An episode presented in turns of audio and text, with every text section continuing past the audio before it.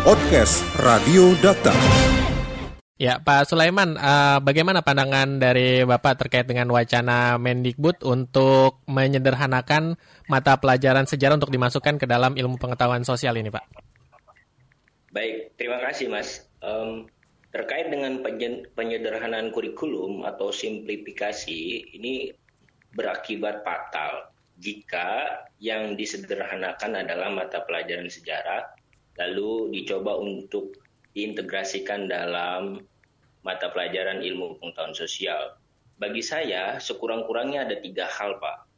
Pertama, kita sebagai bangsa yang besar, dalam menatap masa depan, perlu berpijak pada masa lalu yang telah dilakukan oleh para pejuang kita.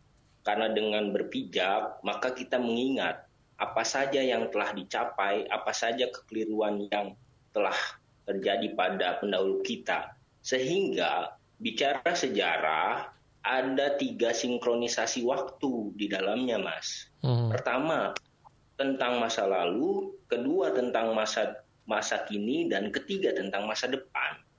Kita tidak akan ada tanpa orang-orang masa lalu, kan begitu, Mas. Maka kita pun tidak akan bisa merajut masa depan tanpa membaca apa yang telah terjadi pada masa lalu dan masa kini. Itulah dimensi yang paling urgent mengapa sejarah tidak boleh disimplikasi atau disederhanakan dalam kurikulum nasional kita. Iya. Seperti itu, Mas.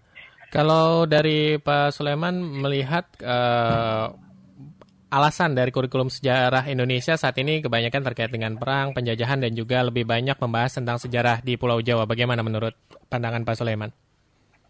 Baik, saya juga perlu merefleksikan bagian yang tadi Mas katakan, bahwa materi-materi sejarah nasional kita terlalu tendensius ke arah yang Mas maksud, yaitu tentang perang, tentang konflik, dan seterusnya. Hmm bagi saya refleksi yang paling penting adalah kita terlalu lama menutup mata bahwa banyak sejarah-sejarah lokal yang tidak pernah diangkat dalam skala nasional.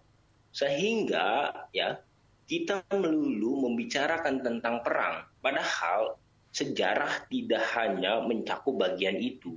Sejarah mendewasakan setiap anak bangsa untuk berpikir lebih kritis Mengapa terjadi perang sesama bangsanya? Mengapa kita terlalu lama dijajah?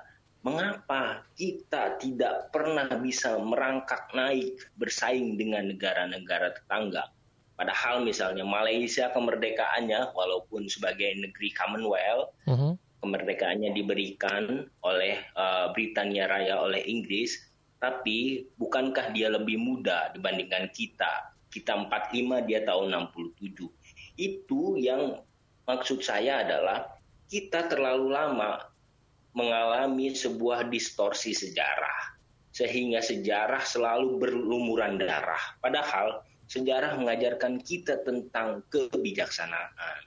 Agar semakin bijaksana maka saya mengajak bahwa kita khususnya para elit bangsa ini dan pemerintah tidak boleh mengacak-ngacak mata pelajaran sejarah dalam kurikulum nasional. Sebab kalau mata pelajaran sejarah dianggap tidak penting, ya materinya terlalu menumpuk dan terlalu banyak, sehingga harus disederhanakan bahkan dihilangkan, maka tunggu waktu saja bangsa ini pun akan hilang. Mm-hmm. Mengapa? Karena kita sedang menggali kuburan sendiri. Itu, Mas. Iya, tadi dikatakan bahwa mm, pelajaran sejarah di Indonesia terlalu Jawa sentris katakan apakah dimungkinkan jika nantinya sejarah dibuat sesuai dengan uh, kearifan lokal masing-masing? Nah, itulah yang perlu diangkat dalam skala ya teoritis maupun implementatif agar supaya anak-anak yang ada di Papua selain dia mempelajari sejarah bagaimana Jawa terbentuk hingga hari ini, uh-huh. juga dia memiliki kesempatan yang utuh tentang Papua sebagai daerah atau wilayah kelahirannya. Sehingga ya keutuhan nasional atau integrasi bangsa kita ini tidak terkotak-kotakan, Mas. Gitu ya. Dan perlu juga sejarah nasional kita mempelajari ya tokoh-tokoh lokal yang memiliki sumbangsi, dedikasi, perjuangan di masa lalunya agar itulah tujuan belajar sejarah agar tokoh-tokoh lokal itu menginspirasi generasi ke depan hmm. menjiwai diri mereka ya atau sekurang-kurangnya mereka mengidentifikasi diri agar supaya berjuang seperti tokoh-tokoh di tanah kelahirannya. Saya sepakat itu, Mas. Oke. Lalu Pak Sulaiman, bagaimana tanggapan Pak Sulaiman terkait dengan adanya pandangan bahwa sejarah ini kerap dimanipulasi oleh rezim yang saat ini sedang berkuasa?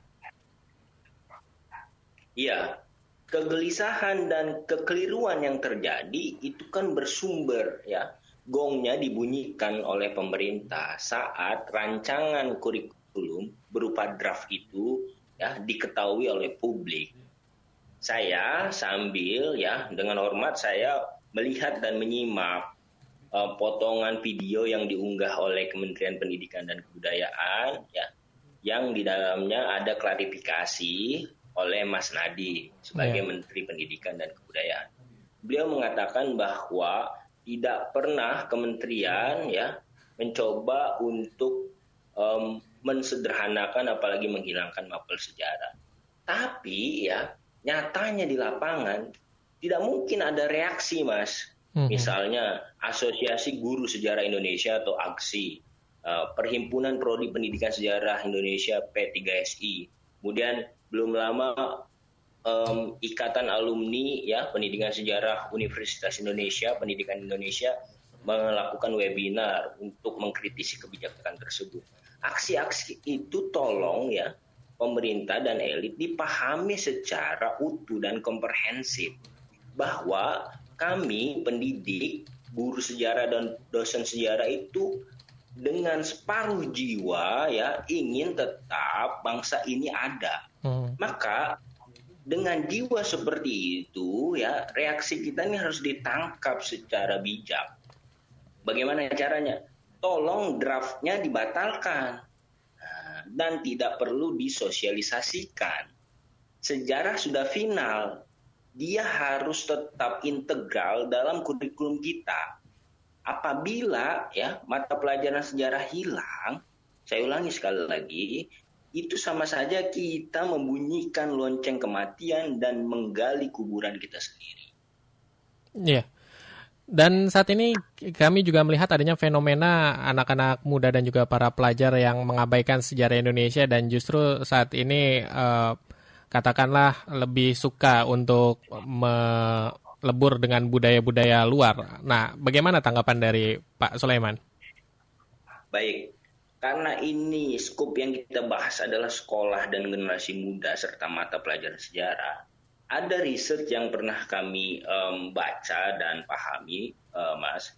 Jadi ya banyak guru-guru sejarah di level SMA atau di SMK ya yang bukan dari basic pendidikannya bukan pendidikan sejarah. Hmm, baik. Nah, misal dia PNS, Contoh, dia adalah guru TIK PNS-nya, gitu ya.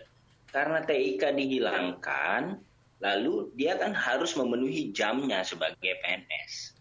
Maka ya kebijakan sekolah dan kebijakan uh, dalam penerimaan PNS itu dibatasi untuk guru sejarah. Guru sejarah yang kosong tadi diisi oleh PNS-PNS yang non pendidikan sejarah. Maka yang terjadi apa, Mas? Kacau. Yeah dianggap sejarah bisa diajarkan ya oleh semua guru. Padahal ya sejarah itu persoalan ruh masa lalu, Mas. Kalau kita tidak memiliki ruh masa lalu, ya tadi kita tidak menyalahkan generasi muda sehingga dia bosan belajar sejarah. Kita harus melakukan evaluasi secara keseluruhan, refleksi secara total bahwa kebosanan yang dirasakan oleh anak-anak bisa saja itu adalah pantulan dari guru-guru yang basically bukan guru sejarah atau S1-nya bukan pendidikan sejarah. Nah, ini sangat sangat disayangkan, sangat ironis, Mas. Hmm. Gitu ya. Sejarah digampangkan, dimudahkan seolah-olah semua bisa. Padahal tidak semua bisa mengajarkan sejarah kecuali dia dari lulusan pendidikan sejarah. Atau saya boleh mengatakan eh, kita juga merasa was-was. Jangan-jangan yang lulusan pendidikan sejarah saja tidak mampu gitu ya menangkap ruh masa lalu. Apalagi yang non pendidikan sejarah. Mm demikian Ya, lalu terakhir Pak Sulaiman mungkin apa yang ingin disampaikan untuk para pelajar agar tidak melupakan sejarah uh, perjuangan ataupun sejarah masa lalu dari bangsa Indonesia ini? Baik, bagi para pelajar, siswa, siswi, ya, generasi muda Indonesia yang sedang menengadah atau menatap masa depan, kita memang dianjurkan ya berpikir ke depan. Tapi kita juga harus memiliki seperangkat pengetahuan bagaimana merebut masa depan, bagaimana menciptakan masa depan, bagaimana merekayasa masa depan. Ketiga hal itu harus dilengkapi dan dipenuhi oleh pengetahuan kita tentang masa lalu bangsa ini.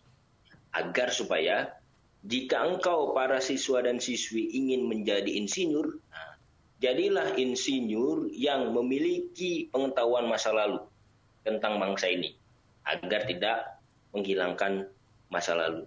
Jika engkau ingin menjadi dokter, dokter, dan seterusnya, maka jadilah dokter yang memiliki pengetahuan sejarah.